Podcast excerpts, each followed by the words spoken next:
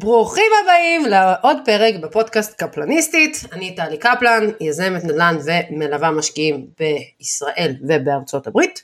והיום יש לנו אורח מיוחד, דור הרי ריגלר, שהוא בעצם עורך דין אה, למקרקעין, והוא אלוף עולם בהתחדשות עירונית. אז קודם כל, אה, דור הרי, לא, הרי, הרי, הרי זה השם הרשמי הראשון, אף אחד לא קורא לי הרי. אני דור, הארי, אני אם אני בחו"ל, אני עושה עסקה בחו"ל, זה הארי, יאללה. הבנתי, אז אנחנו מדברים על אה, התחדשות עירונית ישראל, אז אתה תהיה דור, מה קורה? חזה כמו כל עם ישראל, אופטימי למרות הכל. תשמעי, הלעולם נחיה על חרבנו, אני אופטימי, אני אופטימי, אני אופטימיסט מטבעי. אני גם רואה, דרך אגב, דרך אגב, כל הנושא, אנחנו פה בנושא של התחדשות עירונית. תקשיבי, אנשים שאני מדבר איתם, שלא חיים בארץ, שמגיעים לארץ פעם בשנה, שנתיים, חמש שנים, כל פעם שהם מגיעים לארץ הם רואים ארץ אחרת לגמרי. עפה עוד ארבע, חמש קומות לגובה מהפעם האחרונה שהם היו. זאת אומרת, שם המשחק היום הוא לא רק התחדשות עירונית, הוא התחדשות ככלל. המדינה שלנו היא מדינה חדשנית ומתחדשת, כל הזמן. נכון. אני uh, התחלתי בדיוק איזה קורס כזה של uh, התחדשות עירונית, ואחת הסיבות זה שבאמת יש לנו מעט מקום, הרבה אנשים, עזוב שעם המלחמה יהיה עוד יותר אנשים וזה, אנחנו כל הזמן חייבים לחשוב לא רק לגובה אלא גם תשתיות ודברים כל הזמן משתנים, ולכן אתה פה, כי זה הנושא החם, עוד לפני המלחמה, בטח ובטח אחרי המלחמה, בטח ובטח בגבולות. אני השבוע, mm. השבוע באמת כבר אני מקבל את התחושה, מכמות הטלפונים שאני מקבל השבוע, נראה כאילו משהו השתחרר, שלושה חודשים ספגנו מלחמה, משהו השתחרר, אנשים הם באמת קופצים שוב על השוק, אני מניח שזה קשור לירידת הריבית, אני מניח. ברור, חלק מזה אנחנו ידענו שזה מגיע, חשבנו אגב, אני עשיתי פה פרק עם יועץ משכנתאות, עם, אה, אתה בטח מכיר אותו, את אשר לוגסי, הוא אמר שכנראה תהיה ירידת ריביות הראשונה כזה שלושה, ארבעה, חמישה חודשים, בגלל המלחמה הקדימו את זה, השוק באמת מתעורר. אבל רגע, רגע, רגע, לפני הכל, אה, תביא לי להציג אותך איזה דקה וחצי. קודם כל, אני מכירה אותך לפי דעתי חמש שנים, קל, אז יצא לנו לתקשר לא מעט. באמת אחד עורכי דין מקרקעין יש לא מעט, אבל באמת אחד הדברים החזקים בך זה ההתחדשות עירונית, שאתה אלוף בזה ומתמחה בזה כבר הרבה זמן, מעבר לזה שאתה גם מלווה עסקאות, ואתה מכשיר גם אלפי תלמידים וכל הדברים הטובים, אבל ההתחדשות עירונית זה באמת איזשהו משהו שלא לא הרבה עורכי דין שאני מכירה, גם אלה שטוענים שהם יודעים משהו, יודעים. Uh, בכללי זה משהו שנכנס לתודעה ממש בשנים האחרונות שזה נהיה תחת כל עץ רענן. והנה אנחנו פה, ואני גם אומר שלפני הפרק הזה אני עשיתי איזשהו סקר uh, בכל הפלטפורמות שלי, שאנשים ישאלו איזה דברים מעניינים אותם, אז אני אגיד לך שיש מיליון שאלות שאנשים כולם רוצים לדעת, זה עסקאות מאוד מעניינות, מאוד מורכבות, אז טוב שאתה מדבר מהר ואני מדברת מהר, ככה נוכל לרוץ ובעצם לנסות לכסות כמה שיותר, ואם לא, נמצא פתרונות יצירתיים. אז קודם כל, אה, בקצרה, בקצרה, בקצרה, כי זה באמת אה, האלף בית, אה, מה ההבדל בין תמ"א 38, תמ"א 38-2, ככה ממש על רגל אחת. בשנת 2008, כשאני הוסמכתי להיות עורך דין, האבא שלי אדריכל נתן לי טיוטה והיה כתוב למעלה תמ"א 38. פעם ראשונה שראיתי את זה, זה גם פעם ראשונה שמישהו ראה את זה. קראתי את זה, הבנתי שיש איזשהו הליך. מה ההליך? המדינה רוצה לחזק מבנים פני רעידות אדמה, יום אחד תהיה פה רעידה, כולנו יודעים את זה, לא עושים מספיק בנידון. המדינה אמרה, הדיירים לא יממנו מיגון של המבנה, ומצד שני המדינה גם לא. בוא ניתן איזשהו זרז ליזמים, ותמורת אותו זרז הם ימגנו את המבנה בלי רעידות אדמה. באמת זה התחיל בהתחלה עם תוספת של קומה, יזמים רצו ברחובות, החתימו אנשים על פרויקט שהוא לא כלכלי בעליל. דיברו על קומה, התמ"א 2 זה בעצם אבולוציה של תמ"א 1. זה נכון שמדברים על תמ"א 1, תמ"א 2, זה למעשה אבולוציה. ברגע שהבינו שאותה תוספת קומה היא כבר לא רלוונטית, כי אין היתכנות כלכלית לדבר הזה, עשו שדרוג של התמ"א. אמרו תמ"א 2, מה ההבדל בין תמ"א 1 ותמ"א 2? זה עיבוי בינוי, מעבים, מוסיפים את הממ"דים, מחזקים עם רצועות ביטחון ומוסיפים קומות מעל. היום, פעם זה היה קומה אחת, היום אפשר יותר. לעומת פינוי-בינוי, הריסה או, או בינוי-פינוי, אבל הריסה ובנייה מחדש. זה בעצם, ומה היתרון היחסי בהריסה ובנייה מחדש? שאתה לא מנצל רק את הזכויות של התמ"א, אלא אתה מנצל, אתה מנצל גם את הזכויות של התב"ע. למשל, קחי עירייה כמו חולון, שעשתה תוכנית מתאר כוללנית לחולון, שלאו דווקא מסתמכת על תמ"א 38, אבל הכותרת היא תמ"א 38, אין, אין לזה רלוונטיות אם המבנה הוא למשל משנת 80, החל לשנת... הם מסתכלים על הייעוד של הקרקע עצמו ומעניקים זכויות. ואז יש מבנים שעל החלקה היום אתה יכול להרים עשר קומות גם. אבל יש רק שלוש קומות במציאות. אז זה או שאתה מוסיף קומה או שתיים, או שאתה הורס את הבניין, מוסיף ועושה עשר. אז אתה מנצל גם את הזכויות של התמ"א וגם את הזכויות של התוכנית בניין שחלה במקום. ואז אתה מקבל את כל הזכויות שבעולם. זה בגדול ההבדל בין תמ"א 1 ותמ"א 2. דרך אגב, היום, דרך אגב, היום כבר לא צריך לנחש, פעם עוד היה צריך לנחש, היום הוועדות המקומיות, הם הגיעו לרמת תחכום, שהן אומרות לך איזה בניין הולך ליפול, ואיזה בניין הם לא מסכימים שיפול. זאת אומרת, ברמה הזאת. אוקיי, okay. עכשיו יש, אה, כל הזמן הם מנסים לבטל את העיבוי כל כמה זמן זה יוצא עוד פעם, ב, אה, ככה על רגל אחת, אה, איפה זה עומד היום? מניסיוני המקצועי, זה לרוב רעיון גרוע. אה, התעסקתי בכמה מבנים, אסון, תביעות, אפשר לקרוא על זה גם בעיתונות, דברים שהיינו תקועים 7-8 שנים בלי היתרים. א', לקחת בניין חולה, ולהעמיס עליו תשתיות, ולהעמיס עליו קומות, וכולם סובלים מזה. אז ברור שהעירייה, עכשיו העירייה דרך אגב גם ככה היא לא מתלהבת מארנונה למגורים, זה לא שיש לה איזשהו אינטרס, אבל היא אומרת אם כבר, אז נעשה משהו שתואם את החזון שלנו, לרוב החזון לא תואם את העיבוי בינוי. אז זה לא שאין תכלית לעיבוי בינוי, ושוב, היום מהוועדות המקומיות כבר יש כרטסות, כמו בעיריית נתניה, הם מציגים לך כרטסות, הם אומרות איזה בניין ספציפי הולך לפינוי ואיזה לעיבוי. אז נכון, הם לא מתלהבים מעיבוי בינוי, זה לא מת לחלוטין, אבל זה קיים באחוז מאוד מסוים של התוכניות, זה לא כדאי לאף אחד, בגדול. אבל אם אין ברירה, הולכים על עיבוי בינוי, אם אין שום ברירה, לא נשאיר את הבניין ככה כמו, שוב, גם לא נהרוס אותו. אוקיי. Alright, מגניב. כן, מישהו אמר לי פעם שזה לא הכי politically correct, אני מניחה במדינת MeToo, אבל זה כמו לקחת מישהי מבוגרת ולהדביק לה מלא סיליקון. ושוב, הקריטריון הקלאסי של תמ"א 38 זה שנת 80 ומטה, עד ארבע קומות, היום הוועדות המקומיות הן הרבה יותר גמישות וגם לרוב הוועדות של הערים, עיריית נתניה, עיריות כאלה, זה עיירות שקיבלו אה, תקן 101, זה עיירות שמסוגלות להגיע להחלטות עצמאית בלי ועדה מחוזית. הם יכולים להגיע להישגים נדירים, כבר לא צריך ללכת לוועדה מחוזית, הוועדה המקומית היא מאוד גמישה. אז היום אפשר לקחת בניינים שאולי תמ"א 38 לא חלה עליהם ועדיין לעשות עליהם איזשהו פרויקט. אני קיבלתי השבוע בניין לבחינה, בניין שנבנה ב-2010. הוועדה המקומית מוכנה להרוס אותו. וואו, מעניין. איזה... הבניין מזעזע, צריך הריסה, באמת, אבל מ-2010. אוקיי, okay, וואי, תשמע, זה מטורף. 2010 זה כאילו, בוא, אני יודעת שעשו איזה החרגה מ-92 ומטה, אבל 2010 זה... זה בניין מכוער, הוא בנוי רע, אדריכל לא תכנן אותו, למהנדס תכנן אותו גם בתור אדריכל. מה באמת, אוקיי, מה הקריטריונים שככלל אצבע כאלה של בניינים שראויים... תראי, בוא נאמר ככה, א', גם בעין בלתי מזוינת קל מאוד לאבחן אם בניין הוא ראוי לתמ"א או לא, כן? בדרך כלל בניין ישן עד ארבע קומות, אבל היום שוב אנחנו במצב שהוועדות הן כל כך מתפחות, תחשבי, כשאני קיבלתי את העותק הראשון של תמ"א 38 ב-2008, עברו כבר שנים מאז, ובאמת האבולוציה נעשתה, דרך אגב, כל, מה, כל העבודה הקשה שנעשתה כל השנים, כל התיקונים, כל התיקונים לחוקי הסדרים, כל, זה עכשיו יוצא לפועל, עכשיו, בכל הערים המרכזיות בארץ ישראל, עכשיו כל הפרויקטים האלה סוף סוף קורים, גם הוועדות המקומיות, אני, אני בן של אדריכל, אני, אני מלווה ועדות מקומיות כבר הרבה לפני שנהייתי עורך דין, כבר לפני 16 שנה, הוועדות היום נותנות תוקף ל, ל, אה, לתוכניות בלי הרף, בלי הרף, גם לתוכניות ענק וגם לטבעות נקודתיות. עכשיו, הקריטריון הולך ומתגמש. לבדוק אם יש היתכנות כלכלית, זה מה שמעניין. עכשיו, בשביל לבדוק אם יש היתכנות כלכלית, אתה צריך לקחת א', את התוכנית שחלה על החלקה, לקרוא אותה, בדרך כלל זאת תהיה תוכנית מתאר שהיא די מפורטת, לא תוכנית מפורטת, אבל היא די מפורטת. רשום לך בדיוק איזה גודל מגרש צריך להיות, אה, מה הנתונים הקיימים, הרי אתה, צריך לקחת בחשבון, למשל, שאתה צריך תקן חנייה. עכשיו, אם יש לך בניין ואתה לא יכול להכניס בו חניות, ואין מכפילי חניה, ואין uh, כופר חניה, אז אתה בבעיה. אז אתה צריך לקחת בחשבון תקן חניה, אתה צריך לקחת בחשבון, ושוב, אלה דברים, אם אתה נכנס לרזולוציות העמוקות, אז אתה צריך יועץ תחבורה בשביל לוודא שבקומות מרתף אתה יכול להכניס מספיק חניות בשביל לעשות סיבובים. אבל אני מדבר איתך כרגע על רק אינדיקציה, האם הבניין עומד בקריטריונים או לא. היום לא צריך להיות חכם גדול. כל, רוב הוועדות המקומיות כבר אומרות לך.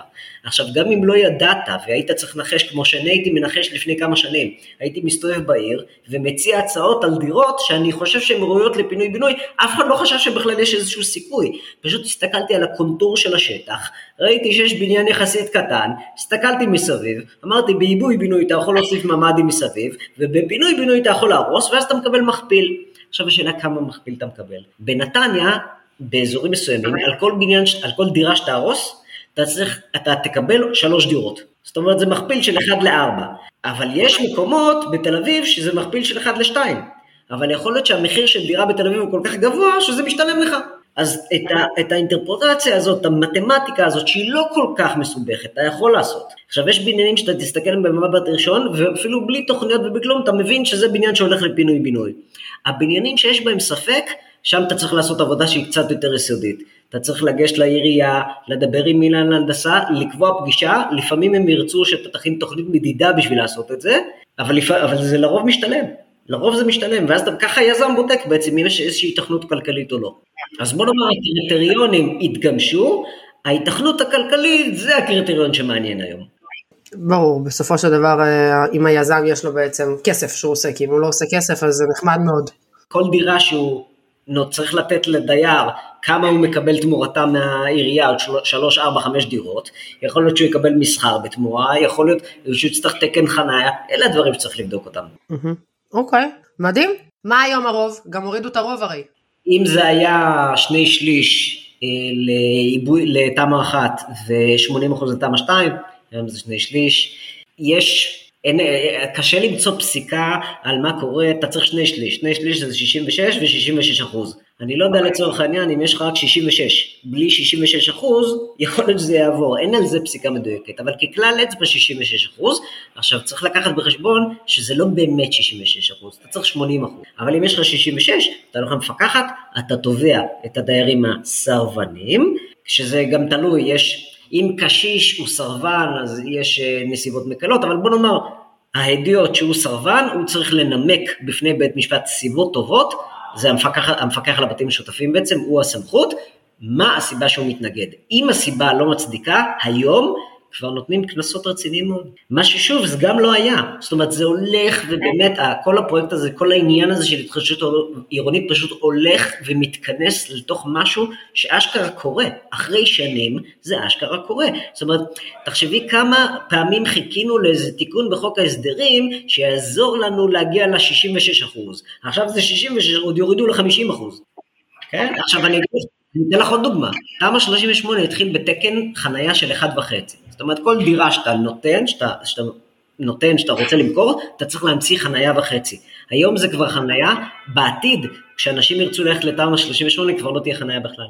כי העיירות לא מעוניינות שתהיה חנייה, הם רוצים שאתה תיכנס לעיר עם תחבורה ציבורית, הם לא רוצים עוד חניות. אז הם הגיעו למצב שאתה תקבל דירה, עכשיו תחשבי פעם זה היה 100 מטר, אתה היית נותן דירת 60, קיבלת, היום לפי חוק זה 12, זה גם גמיש, אבל זה כל פעם הולך ומתמעט. התמורה שלך היא רק תלך ותתמעט, היא לא תלך ותגדל. בחולון מעודדים דירות קטנות כבר. כבר לא מעניין אותם לראות דלת. תחשבי שפעם כשעירייה רצתה לגבות ארנונה, או, או עזבי ארנונה זה לא רלוונטי, אבל היא רצתה אוכלוסייה חזקה, מה היא עשתה? היא הפסיקה לבנות דירות של שלוש, אה, שלושה חדרים מארבעה ומעלה. למה? כי ארבעה ומעלה זה כבר אנשים מבוססים יותר כביכול. היום להפך, חוזרים אחרונית לדירות קטנות, עוד מעט יהיו רק דירות קטנות. מעניין, למה?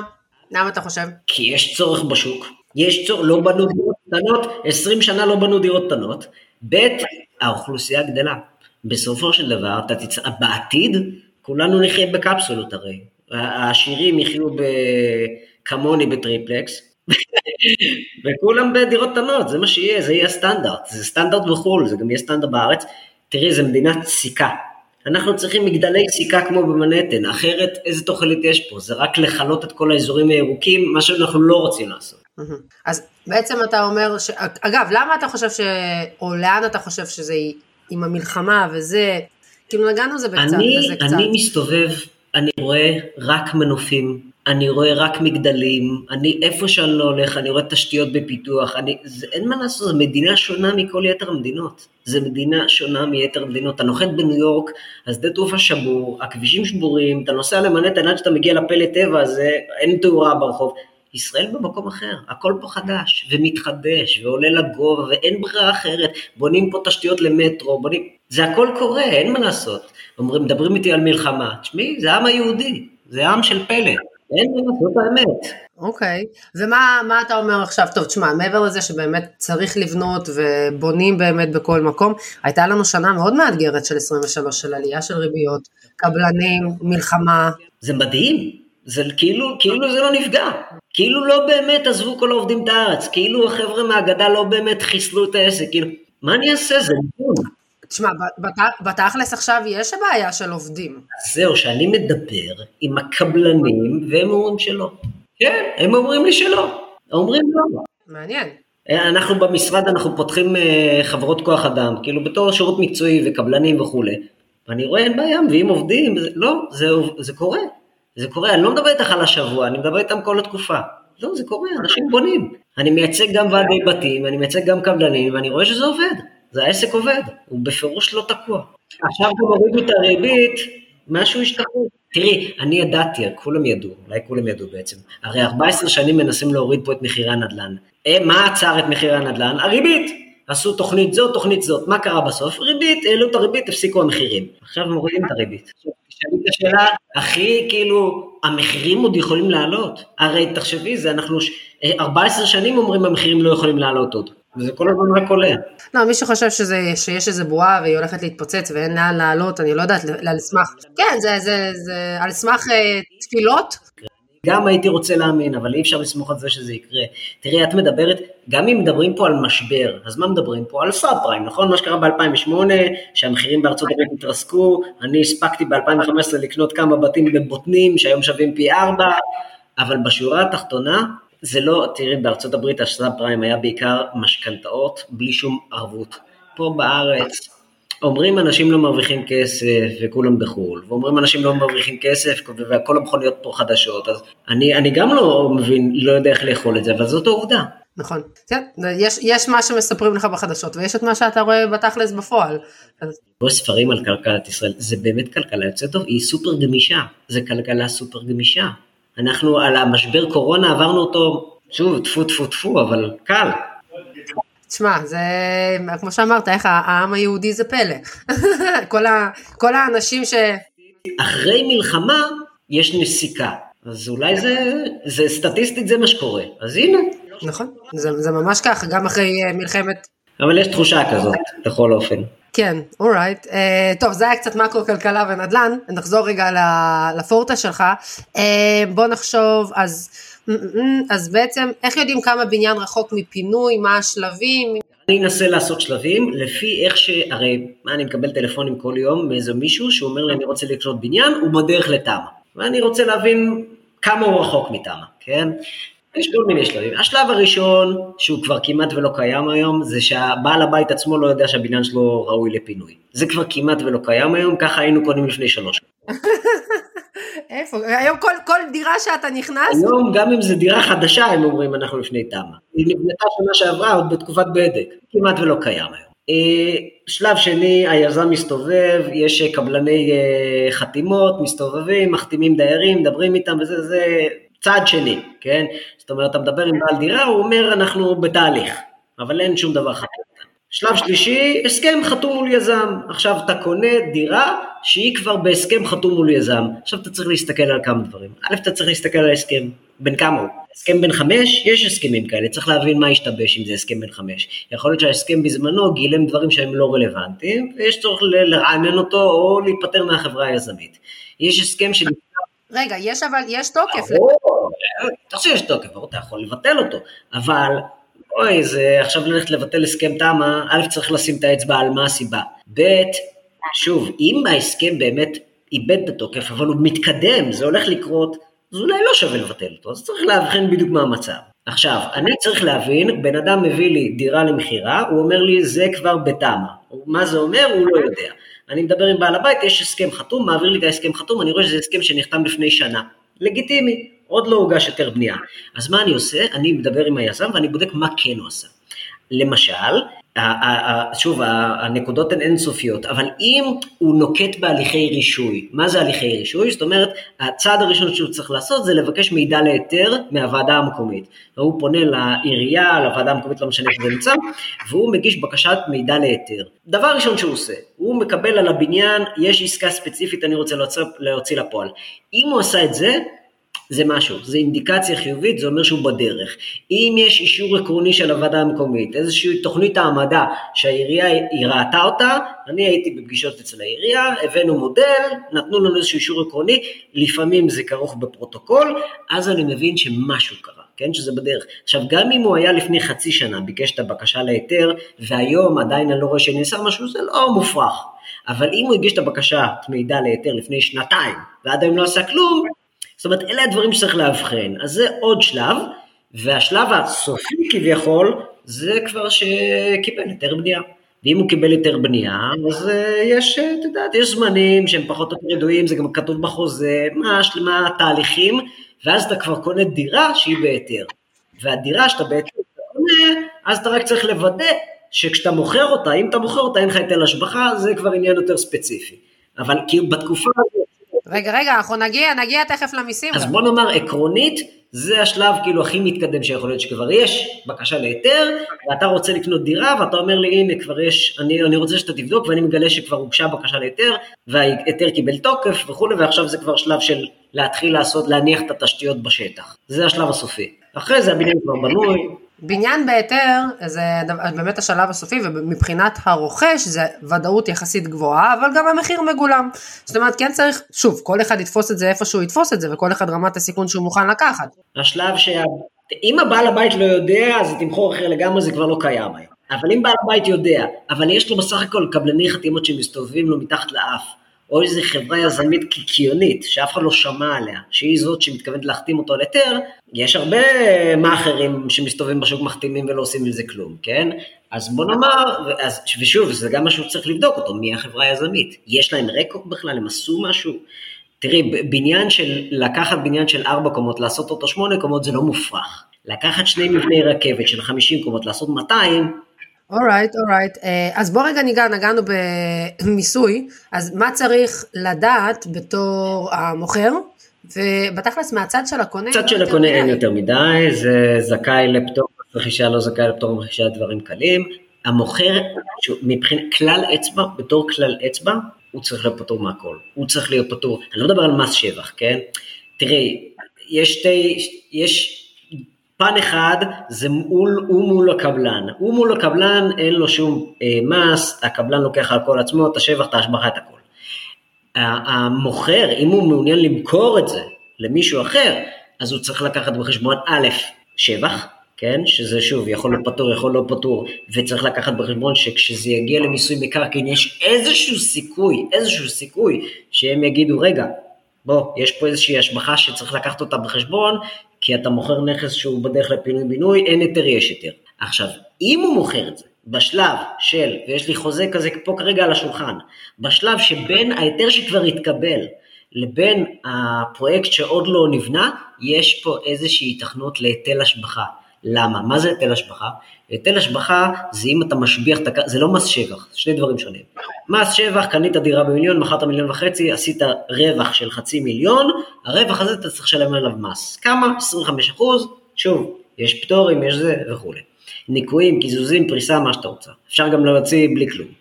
היטל השבחה זה משהו אחר לגמרי. היטל השבחה זה אומר שעל הקרקע שעליה מונח הבניין, העירייה, לא משנה מי, אפילו חברה יזמית פרטית, אזורים, הגישה תב"ע, תוכנית בניין עיר חדשה, ויצקה זכויות שלא היו קודם. ואז מרגע שהיא יצקה את הזכויות, עד הרגע שהיזם אמור לשלם את ההשבחה או לא אמור לשלם את ההשבחה, יש איזושהי תקופה שצריך לוודא שאם אתה מוכר, אתה לא תשלם היטל השבחה. וזה חובה לבדוק. למה אם אתה גילית את זה אחרי שחתמת, אתה בצרה צרורה. אתה חייב ללכת לוועדה המקומית ולברר את זה, אתה יכול להגיש בקשה, הם לא בהכרח יגידו לך מה הסכום, אבל הם יגידו אם יש או אין. ואז אתה תעשה את השיקולים שלך, למה היטל השבחה זה סכומי עתק.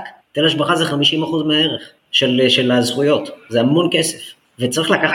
וזה על המוכר. כן, תראי, בחוזה תמיד כתוב בדיפולט, עד יום חתימת החוזה שחותמים, כל תוכנית שמשביחה את הקרקע, את הזכויות, חלה על המוכר. יום אחרי החתימה זה כבר חל על הקונה, כן? עכשיו, החוזה שאני עכשיו הסתכלתי עליו, שזה פחות או יותר מצב כלאיים, שאמרתי כמובן זה לא מקובל, אני צריך להודיע ללקוחות שלא יחטאו שוק, שהוגשה בקשה לתוכנית כללית, ויכול להיות שיש היטל השבחה, ואז המוכר אומר לי, אם יש היטל השבחה זה עליך.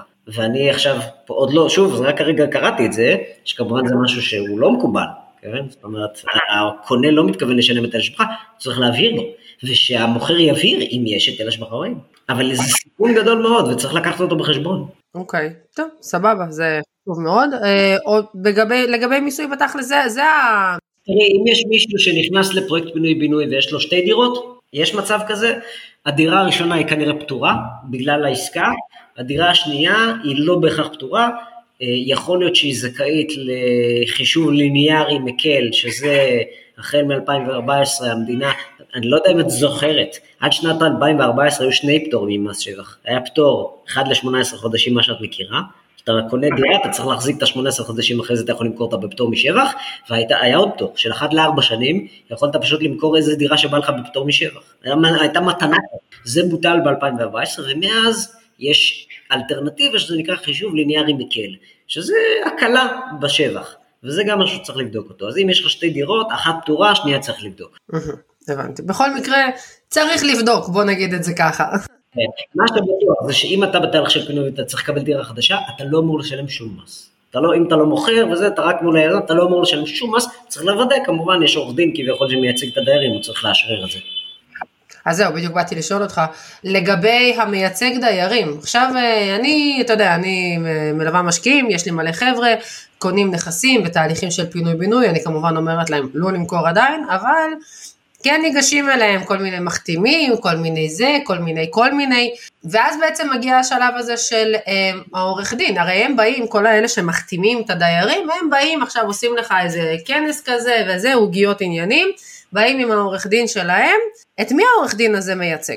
נושא מאוד רגיש, סופר רגיש, כן? סופר רגיש, הרי אני, תראי, אני לא טבעתי עורכי דין, אבל טבעתי יזמים שהוציאו הודעת צד ג' והדיירים הוציאו צד ג', הרי העורך דין שלך יכול להיות גם האויב הכי גדול שלך. אה, לא מדבר על המקרה הזה ספציפי, מדבר ככלל, כן? למה זה מישהו שמשחק בזכויות שלך. בוא נאמר ככה, העורך דין, מי משלם לו? היזם משלם לו. הוא משלם לו לרוב על פי התקדמות. אז ברור שלעורך דין יש מטרה להכשיר את העסקה. אני לא אומר שעורכי דין יסכנו את הרישיון שלהם ויכשירו כל דבר עולה על דעתם, אבל א', זה לא בהכרח מישהו שמתמצא מספיק, לא בהכרח מישהו שמתמצא מספיק, אלא פשוט מישהו שהוא איש אמון. זה לא בהכרח, זה כמו, עבדתי בכנסת, הייתי עוזר פרלמנטרי, זה איש אמון.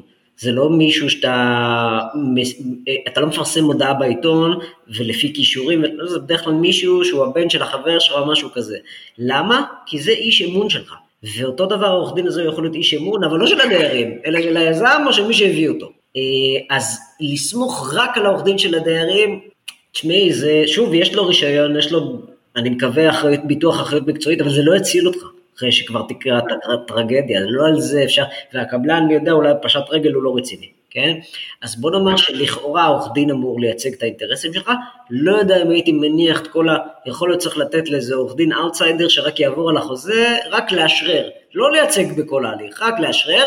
עכשיו בכל עיר יש מנהלה, מנהלת אה, התחדשות עירונית כמעט בכל עיר, אפשר להתייעץ איתם, יש ערים שהמנהלות הן יותר ופחות רציניות, אבל כמובן שזה משהו שאפשר להתעניין, לקרוא באתר את כל הזכויות, בכלל, כל דבר שאתה עושה בחיים כדאי שאתה תבין מה אתה עושה ומה הזכויות ומה החובות שלך, לא כל שכן, תיקח את החוזה, זה 200 עמודים, אבל תיקח אותו, ותקרא פעם אחת, עם מרקר ועט פעם אחת, ואפילו עם עורך דין שמייצג את הדיירים, שבטח אין לו סבלנות, תתעקש איתו ותשב איתו על הדברים, שוב, זה לא כל דייר בנפרד, זה יכול להיות, הרי יש נציגות לדיירים, בדרך כלל בוחרים נציגות, אז שהנציגות תעשה את העבודה, תעשה את זה כמו שצריך. אוקיי, okay. אז אתה בעצם אומר שהחבר'ה האלה שבאים להחתים, זה נחמד שיש להם עורך דין, אנחנו כן רוצים להאמין בטוב ליבם של, והיושרה של כולם, אבל אנחנו גם יודעים לבדוק אותם. תראה, גם באופן אישי, תבדוק את העורך דין שלך, תבדוק את העורך חשבון שלך, תבדוק את הרופא שלך. אבל יש מקרים שהם יותר קריטיים, זה מקרה יותר קריטי. זה לא פה שיפוץ לבית, זה הורסים לך את הבית. אתה צריך פה זה ניתוח כירורגי, אם זה לא מצליח, זה יכול להיות עסקת חייך גם. אז עסקת חייך, תיקח אותה ברצינות. או, או, או לחילופין, להגיד ליזם, בוא אתה תביא לנו כסף, אנחנו נבחר את מי שמתחשק לנו. אני לא חושבת שהיזם יסכים לזה. בסדר, זה, זה רעיון נחמד, כנראה שזה לא יקרה. טוב, תראה, גם בסופו של דבר, יש את הג'וב החדש, הקבלני החתמות, שהם בכלל עוד, הם רק נכון, מחתימים, הם עוד אפילו נכון, אין להם נכון, יזם, הם אחר כך מוכרים נכון, את זה נכון, ליזמים. נכון, לפי גולגולת. כמה אנשים שהבאת, ככה אתה מקבל כסף. כן, בטח. כן. נכון. עכשיו, זה עולם כאילו, אני שעדיין כאילו, זה, זה... תראי, מי זה לרוב? מי זה לרוב? לרוב זה מתווכים, נכון? אה, עכשיו מתווכים, אני הכשרתי אלף מתווכים. מתווכים בדרך כלל זה אנשים שכשהנדל"ן למעלה הם מתווכים, כשהוא למטה הם חוזרים למקצועות הרגילים שלהם, יש מעט מתווכים שהם כל החיים מתווכים. יש כאלה, אלה מומחים רציניים, גם עושים ערימות של כסף, בטח יותר ממני, אבל זה אנשים מאוד ספציפיים. רוב רובם של המתווכים זה אנשים שמחפשים את העסקה הבאה, כי הם עצמאיים, והם צריכים לממן את עצמם וכולי וכולי וכולי, זה לא כזה פשוט.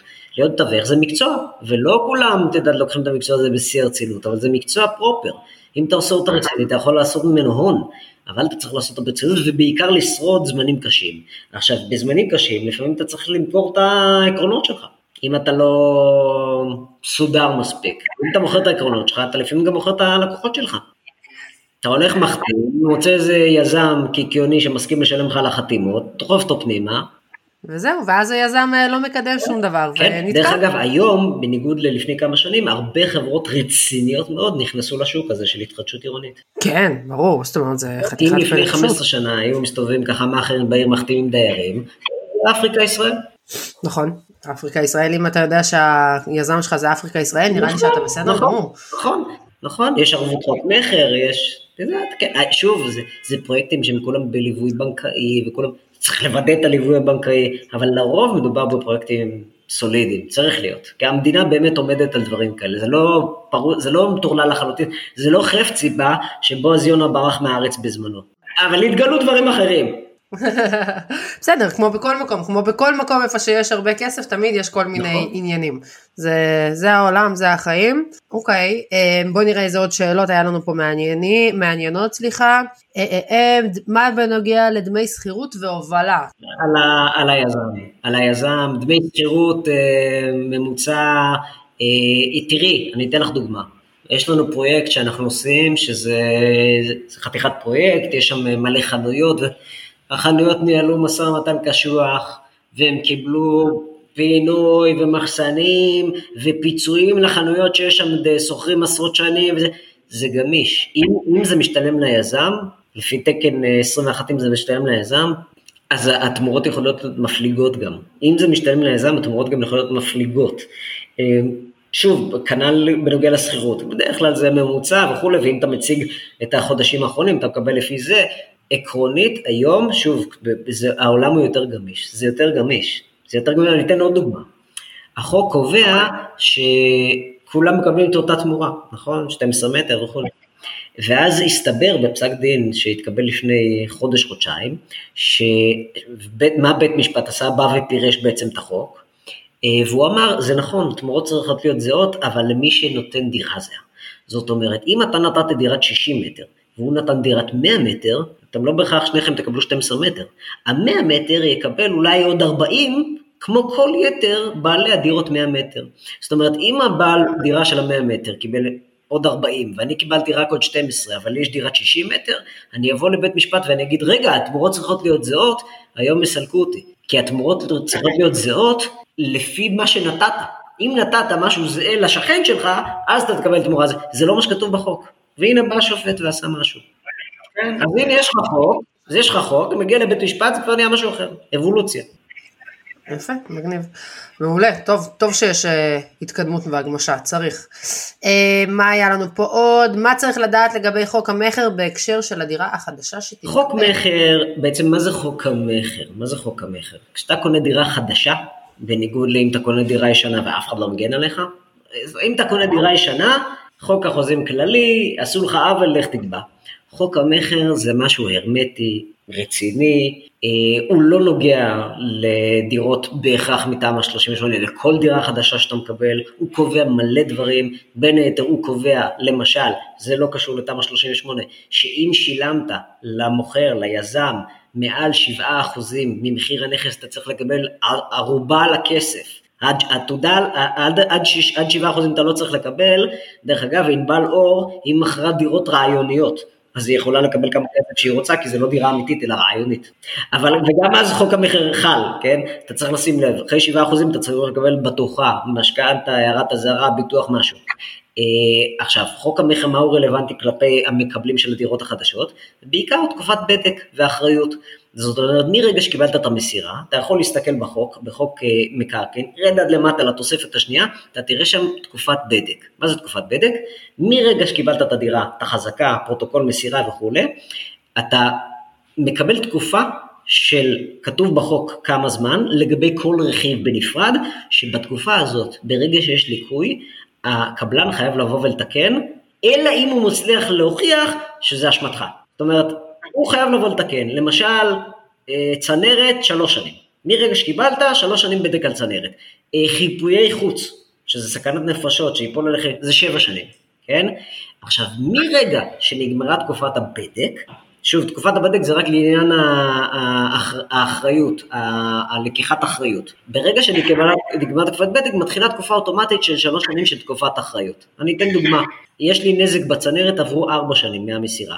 שלוש שנים זה בדק, זה מת. עכשיו אני בשנה הרביעית, בשנה הרביעית זה תקופת אחריות. מה ההבדל? שעכשיו אני צריך להוכיח שהקבלן הוא זה שעשה את השגיאה כשהוא בנה בשביל שהוא יבוא לתקן. זאת אומרת, ההבדל הוא בנטל אחריות. יום אחרי המסירה יש תקופת בדק, אני לא צריך להוכיח כלום. אני אומר לקבלן יש נזק, הוא חייב לבוא לתקן. אלא אם הוא מצליח להוכיח שזה באשמתי. נגמרה תקופת הבדק, כמה זמן זה בדק כל רכיב משהו אחר, כתוב בתוספת של חוק המקרקעין, בתחילה אוטומטית תקופה שלוש שנים אחריות פיקס, שלוש שנים לגבי כל רכיב, בתקופה הזאת אני כבר צריך להוכיח שהוא עשה טעות בחומרים או בבנייה. מרגע שנגמרה גם תקופת האחריות, אין כלום, נגמר הסיפור, יש נזק, זה כבר עליי. אז בוא נאמר שחוק המכר, אם הוא רלוונטי כלפי, לכשהוא רלוונטי כלפי הדיירים בבית, זאת ה... זה בעיקר במובן הזה של תקופת בדק ותקופת אחריות. וכמובן, הדברים המובנים מאליהם, ערבויות חוק מכר וזה, זה הכל כתוב בחוק. הכל בחוק המכר. הקבלן לא זז שמאלה לא ימינה, כשמשלמים בשוברים, הדיירים החדשים משלמים לפי שוברים. הם לא משלמים לחשבון של הקבלן, אלא לחשבון ליווי ספציפי וכולי, זה הכל בחוק המכר. אם זה, אז דיברתי על שיתוף או אי שיתוף פעולה מהרשויות. דיברנו עם זה, על זה שבעצם אה, יש עכשיו יותר שיתוף, יש הרבה הגמשה, דברים קורים, ש... רצים עם זה. מרגע שהתמנו מנהלות, מנהלות ייעודיות, ועכשיו כמעט בכל מקום יש מנהלת, המשחק השתנה לחלוטין. היום אתה כבר לא מדבר עם הוועדה המקומית, עם מנהל ההנדסה, אתה, אתה מדבר בעיקר עם המנהלת, שזה צינור שעשה פלאים. בוא נאמר שאם המנהלת מורכבת מאנשים חצי רציניים, וזה קיים כמעט בכל מקום, התוכניות, זה הכל יעוף, וגם שוב, באמת, משהו השתנה, תחשבי, אני 16 שנים, יותר, אני בן של אדריכל, אני רואה תוכניות כל החיים. זה באמת, המנגנון באמת השתנה, דברים רצים היום, אתה כל יום מקבל הודעה על תוכנית או מגה תוכנית אחרת שנכנסה לתוקף, פשוט מפשירים ונותנים הקלות, באמת משהו השתנה. עכשיו, אנחנו מדברים ספציפית על התחדשות עירונית, והתוכנית הזאת עברה כל כך הרבה אבולוציות, כל כך הרבה אבולוציות, שהיום היא במקום, ושוב, זה ילך וישתפר, אבל היום היא באמת במקום שהמנגנון הוא יחסית רץ. אז, אז גם המנהלות, זה כבר לא הוועדה המקומית, זה כבר לא הרשות המקומית, זה המנהלת, האינטרס שלה ייעודית כלפי התחדשות עירונית. המשחק הוא קצת שונה היום, הוא הרבה יותר קל, הרבה יותר פשוט, הרבה יותר נגיש. גם הדייר, ההדיוט, שלא מבין הרבה מהחיים שלו, הוא יכול לדלות היום מלא מידע מהמון מקורות, מה שזה לא היה קיים פעם. זאת אומרת שהיום הרשויות המקומיות בגדול הן נרתמות. עכשיו צריך לקחת בחשבון דבר אחד, הרשויות המקומיות האינטרס שלהן הוא בעיקר מסחרי, ומשרדים פחות, פחות מגורים, זה משהו שצריך לקחת בחשבון, אבל הנה תראי במרכז העיר נתניה, ברחוב הראשי, כל הרחוב הראשי קיבל, בגדול, קיבל 30 קומות, כל הרחוב הראשי, זה, זה מסתובב בעיר, זה, זה מקום שכל היום, הבניינים שם זה 5 קומות היום, או פחות, הכל יהיה שם 30 קומות, זה לא מובן מאליו, אני, אני אגיד לך את האמת, אני שוב צריך, זה גם עניין של תשתיות, כן? הרי הם מתכוונים לעשות שם BRT וזה בכל הארץ, הרי עובדים, עוברים על רכבת קלה ומטרו וכולי, אז העוצמות של הבנייה הן גם משתנות בהתאם. אם פעם זה היה פחד מדוחק וצוואר בקבוק, היום מסתמכים בעיקר על, ה, על היתרון היחסי של הרכבת הקלה, גם אם היא לא קיימת היום, הם כבר רואים את התוואי וכבר יש תקצוב והם יודעים בדיוק איך הולכת להיות. עכשיו שוב, זה רואים את זה בכל מקום, היום אתה נוסע ברמת השרון, אתה כבר רואה בניין של 30 קומות שם בסינמה סיטי. זאת אומרת, ביום, ביום אחד אתה תיסע על כביש החוף, ואתה תראה רק מגדלים, ימינך ומשמאלך. מה שאתה רואה ברמת גן ותל אביב, זה פשוט יהיה כל האורך. שוב, זה או זה, או לאכלס את כל השטחים הירוקים, מה שאנחנו כביכול משתדלים שלא יקרה. זו מדינה שמתרבים בה בקצב שלא מתרבים בעולם הראשון. באיטליה שיעור ילודה 0.7, יותר מתים מנולדים שם. פה במדינה אנשים מלחמה, נלחמים בחיים עושים ילד רביעי. ממש, זה, עזוב, עשינו, עשיתי הרצאה על זה, על הבייבי בום, מה הולך להיות, מה עם כל האנשים שיעלו לארץ עם הגל האנטישמיות. זה כאילו, היינו במצב הזה עוד לפני המלחמה, היינו במצב של ילודה גבוהה, ושאנחנו, אין לנו עצה. זה מדהים, לפני אלפיים שנה היו שבע מיליון, אבל יש חמש עשרה מיליון, לפני מאה שנה היינו יותר. עכשיו, בכל העולם יש חמש עשרה מיליון. המדינה היא כזאת, קטנטנה. עכשיו זה 15, אנשים, 15 מיליון אנשים עם עוצמה כלכלית. טוב, יהודים. יש, יש... אה, בוא נאמר, אם כל אחד ירצה פה חתיכה ממדינת ישראל, לא יישאר כלום. אז להגיד לי המחירים ירדו, הלוואי, אבל אני לא יודע איך זה יכול לקרות. זה, אני לא יודעת למי. אני חושבת שכבר פחות גם אומרים את זה. תראי, אם היית, אם היית שואלת אותי לפני ארבעה חודשים, הייתי אומר לך המחירים ירדו ב-10-15 אחוז. עכשיו נראה לי הם כבר עלו שוב את ה-15 אחוז האלה. תשמע, הם, הם, הם ירדו לנקודת זמן, כביכול, גם כשעושים סטטיסטיקה על כל המדינה, איפה הם ירדו? בסדר, אז הם ירדו בסטטיסטית במדינת ישראל ב-15%, מה, לחודש? זה לא, זה לא באמת לא, משנה כלום. לא. זה כאילו, זה, זה הקטע, שגם כשהם ירדו או ירדו, זה נקודת זמן שהיא מינורית. לא משנה ריבית למעלה, ריבית למעלה, מחיר, לא משנה, כשיש לך עסקה טובה תקנה. לא רלוונטי כל הרעשי הרקע, הריבית עולה ויורדת, אין לזה משמעות. תקנה היום, תמחזר מחר. לגמרי, לגמרי. מי שלא קנה ב-15 שנים האחרונות, הפסיד. ומי שלא יקנה מפה והלאה גם כנראה אותה על אותו משקל. זה כן. הלוואי ולא, אבל אני רואה איך זה יכול לקרות. לא רואה איך המחירים יכולים לרדת. שמע, זה, שוב, כל מי שמבין קצת, זה באמת, זה תמיד אותו הדבר, וכבר נמאס להגיד את אותם, את אותם המשפטים, אבל עד שאין פה איזה משהו אחר. אז הנה, אין משהו אחר. יאללה, אז תגיד לי ככה, מישהו רצה לשאול על דוגמאות לפיצוח דיירים סרבנים, אם יש לך איזה סיפור עסיסי. כן, בוא נאמר ככה, אני, אני, אני עורך דין, כן? אבל כמובן שיצא לי לטפל, עשיתי מלא ועדי בתים, ופגשתי מטורללים מכל, מכל, מכל הסוגים, פשוט פגשתי מטורללים מכל הסוגים. הלקח הוא, שני לקחים, א', עם הזמן התמורות רק יורדות, אפשר להראות את זה. התמורות רק יורדות ורק ירדו, זה לא ילך וישתפר. הרי המדינה הזאת צריכה חיזוקים, אין מה לעשות, תהיה פה רעידה. תהיה פה רעידה. ואנחנו צריכים למגן מבנים. איך ממגנים מבנים? התחדשות עירונית, נותנים אינטרס ליזם. כל מי שלא מסכים היום, בעוד חמש שנים מצבו יהיה חמור יותר. שתיים, כל אלה שלא הסכימו לפני חמש שנים. ובחוק ההסדר הם הורידו את הרף, היום הם בבעיה, הם כבר דיירים סרבנים. אם אתה לא תהיה דייר, דייר סרבן היום, אתה תהיה מחר דייר סרבן. זאת אומרת שגם בלי, אני שוב השתתפתי באין ספור התנגדויות, בסופו של דבר הזמן כן עושה את שלו, אין אפס. התוכנית הזאת יוצאת לפועל על אפם ועל חמתם של הרבה אנשים. ודרך אגב, הרבה מהסרבנים הם אה, יוצא ככה, ולא במקרה, הם בגדר קשיש מבחינת חוק. ואז הקשיש, אה, שעם כל הסימפתיה, נותנים להם איזשהו, איזשהו תעדוף כבר בחוק, ומלבד התעדוף הזה, לא מאפשרים להם הרבה מרווח לטעויות. זאת אומרת, החוק קובע כלפי קשיש, בעצם יש יש, ה, ה, ה, היזם הוא זה שבוחר מה, מה הוא נותן לקשיש בעצם, הוא, יש כמה חלופות, אחת מעבר לבית אבות במועד של הפינוי של הנכס, שתיים זה אה, דירה חלופית בסכום של הדירה החדשה, אה, עם, עם איזשהו פיצוי על, על, על האיזון בין הדירות, או חלופה בתוך הפרויקט עצמו, הוא מקבל דירה קטנה יותר וכסף, אחת מכמה חלופות, ובדרך כלל בזאת, דרך אגב, בוחר היזם בדרך כלל בדירה הקטנה יותר באותו בניין ופיצוי כספי, שמאי וכולי, ואם הקשיש לא מקבל את אחת מהחלופות, הוא יהיה דייר סרבן. ניתנה לו, זהו, החוק כבר פתר את זה, אז החוק הולך ופותר כל הזמן דברים, וגם לדיירים הסרבנים כבר נגמרים התירוצים, הם פשוט ימצאו את עצמם בבית משפט, ולא כל שכן, שהיום אנחנו רואים את הקנסות שמטילים המפקחות על הבתים המשותפים, זה כבר נהיה לא שווה להתנגד. כבר נהיה לא שווה להתנגד. עכשיו, אם ההתנגדויות זה 60% מתוך הדיירים זה בעיה, אבל אם ההתנגדויות זה 40%, כבר לא נשאר הרבה. החוק כבר עושה את שלו, הזמן כבר עושה את שלו, זה הולך, ו... הולך ומסתיים. אז בוא נגיד, אם אני עכשיו אה, דיירת, או בעלת נכס, לא דיירת, אה, משקיעה וזה, קניתי נכס, יש לי לא מעט משקיעים כאלה בכל מיני אזורים, מה הסיכונים בעצם מגיעים אליי עכשיו להחתים, בואו, זה קורה לי מלא בנהריה, עכשיו עכשיו גם טירוף עם כל מה שקורה, וניגשים אליהם כל מיני כאלה של בואו בוא, תחתמו, תחתמו, תחתמו, בואו נעשה זה, בתור משקיע.